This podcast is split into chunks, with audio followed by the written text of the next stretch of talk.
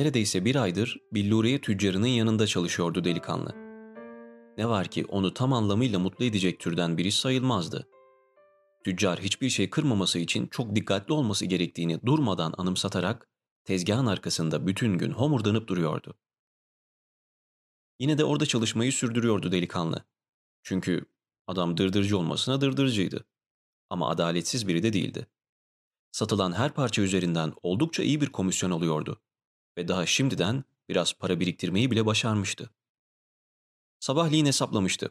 Her gün böyle bu koşullarda çalışacak olsa birkaç koyun alabilmesi için bir yıl çalışması gerekiyordu. Kristaller için bir sergi tablosu yapmak istiyorum, dedi patronuna. Dışarıya bir tablo konulabilir. Bu da ta yokuşun başından itibaren geçenlerin dikkatini çeker. Şimdiye kadar hiç böyle bir şey yapmadım, diye yanıtladı tüccar. İnsanlar geçerken tabloya takılır, kristaller de kırılır.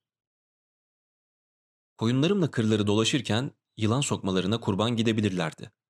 Ama bu tehlike koyunlar ve çobanların hayatlarının bir parçasıdır. Tüccar bu arada üç kristal vazo almak isteyen bir müşterinin yanına gitti.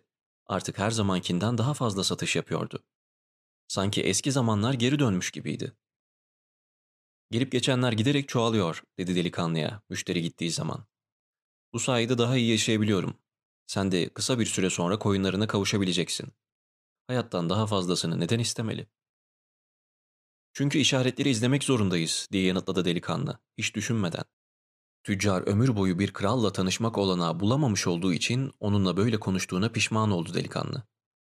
Buna lütuf kuralı denir, demişti yaşlı kral. Acemi tali. Çünkü hayat, senin kişisel menkıbeni yaşamanı istiyor. Bununla birlikte delikanlının kendisine söylemek istediği şeyi çok iyi anlıyordu tüccar. Delikanlının dükkanda bulunuşu bile bir işaretti. Zaman geçtikçe, kasa paracıklarla doldukça İspanyol delikanlıyı işe almış olmaktan en küçük pişmanlık duymuyordu. Kuşkusuz delikanlı hak ettiğinden fazlasını kazanıyordu. Satışların bu kadar çoğalacağını aklına bile getirmediği için delikanlıya oldukça yüksek komisyon önermişti. Konuşmayı sergi tablasından başka yere çevirmek için neden piramitleri görmeye gitmek istiyorsun diye sordu. Çünkü çok sık sözünü ettiler bana, dedi delikanlı, gördüğü düşleri es geçerek. Hazine artık acı bir anıydı ve bunu aklına getirmemeye çalışıyordu. Sadece piramitleri görmek için çölü geçmek isteyecek birini tanımıyorum buralarda, dedi tüccar. Bir taş yığınından başka bir şey değiller. Kendi bahçene, kendi piramidini dikebilirsin. Dükkandan içeri giren bir başka müşterinin yanına giderken, siz hiç yolculuk düşleri görmemişsiniz, dedi delikanlı. İki gün sonra sergi tablası konusunu açtı tüccar. Değişikliklerden pek hoşlanmam, dedi. Ne sen ne de ben para babası tüccar Hasan'a benziyoruz. Bir şey satın alırken bir hata yapacak olsa vız gelir ona.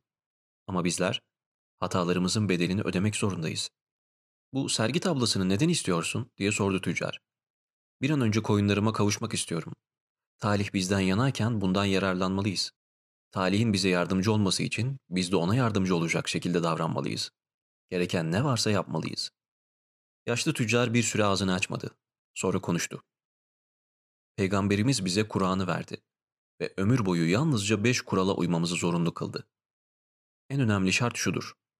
Bir tek Allah vardır.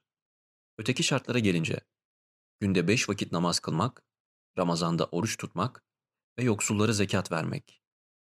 Sustu. Peygamberden söz ederken gözleri yaşarmıştı. Yüreği coşku dolu bir insandı. Kimi zaman sabırsız görünse de İslam'ın kurallarına uygun olarak yaşamaya çalışıyordu. Peki beşinci şart hangisi diye sordu delikanlı. Sen bana iki gün önce benim hiç yolculuk düşleri görmediğimi söyledin. İyi bir Müslüman için beşinci şart bir yolculuk yapmaktır.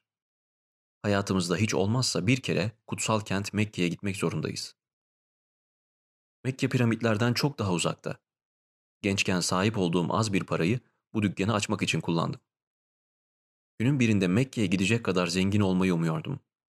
Doğrusunu istersen para kazanmaya başladım. Ama kristalleri kimseye emanet edemedim. Tabii kristallere çok dikkat etmek gerekir. Naziktirler. Bu süre içinde Mekke'ye giden bir yığın insan uğradı dükkanıma.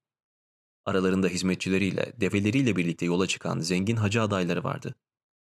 Ama çoğu benden daha yoksul insanlardı. Hepsi mutlu gidip mutlu dönüyor ve evlerinin kapısına hacca gittiklerini gösteren alametler asıyorlardı. Bunlardan biri hayatını ayakkabı tamir ederek kazanan bir kunduracı, çölü geçmek için bir yıl yürüdüğünü söyledi.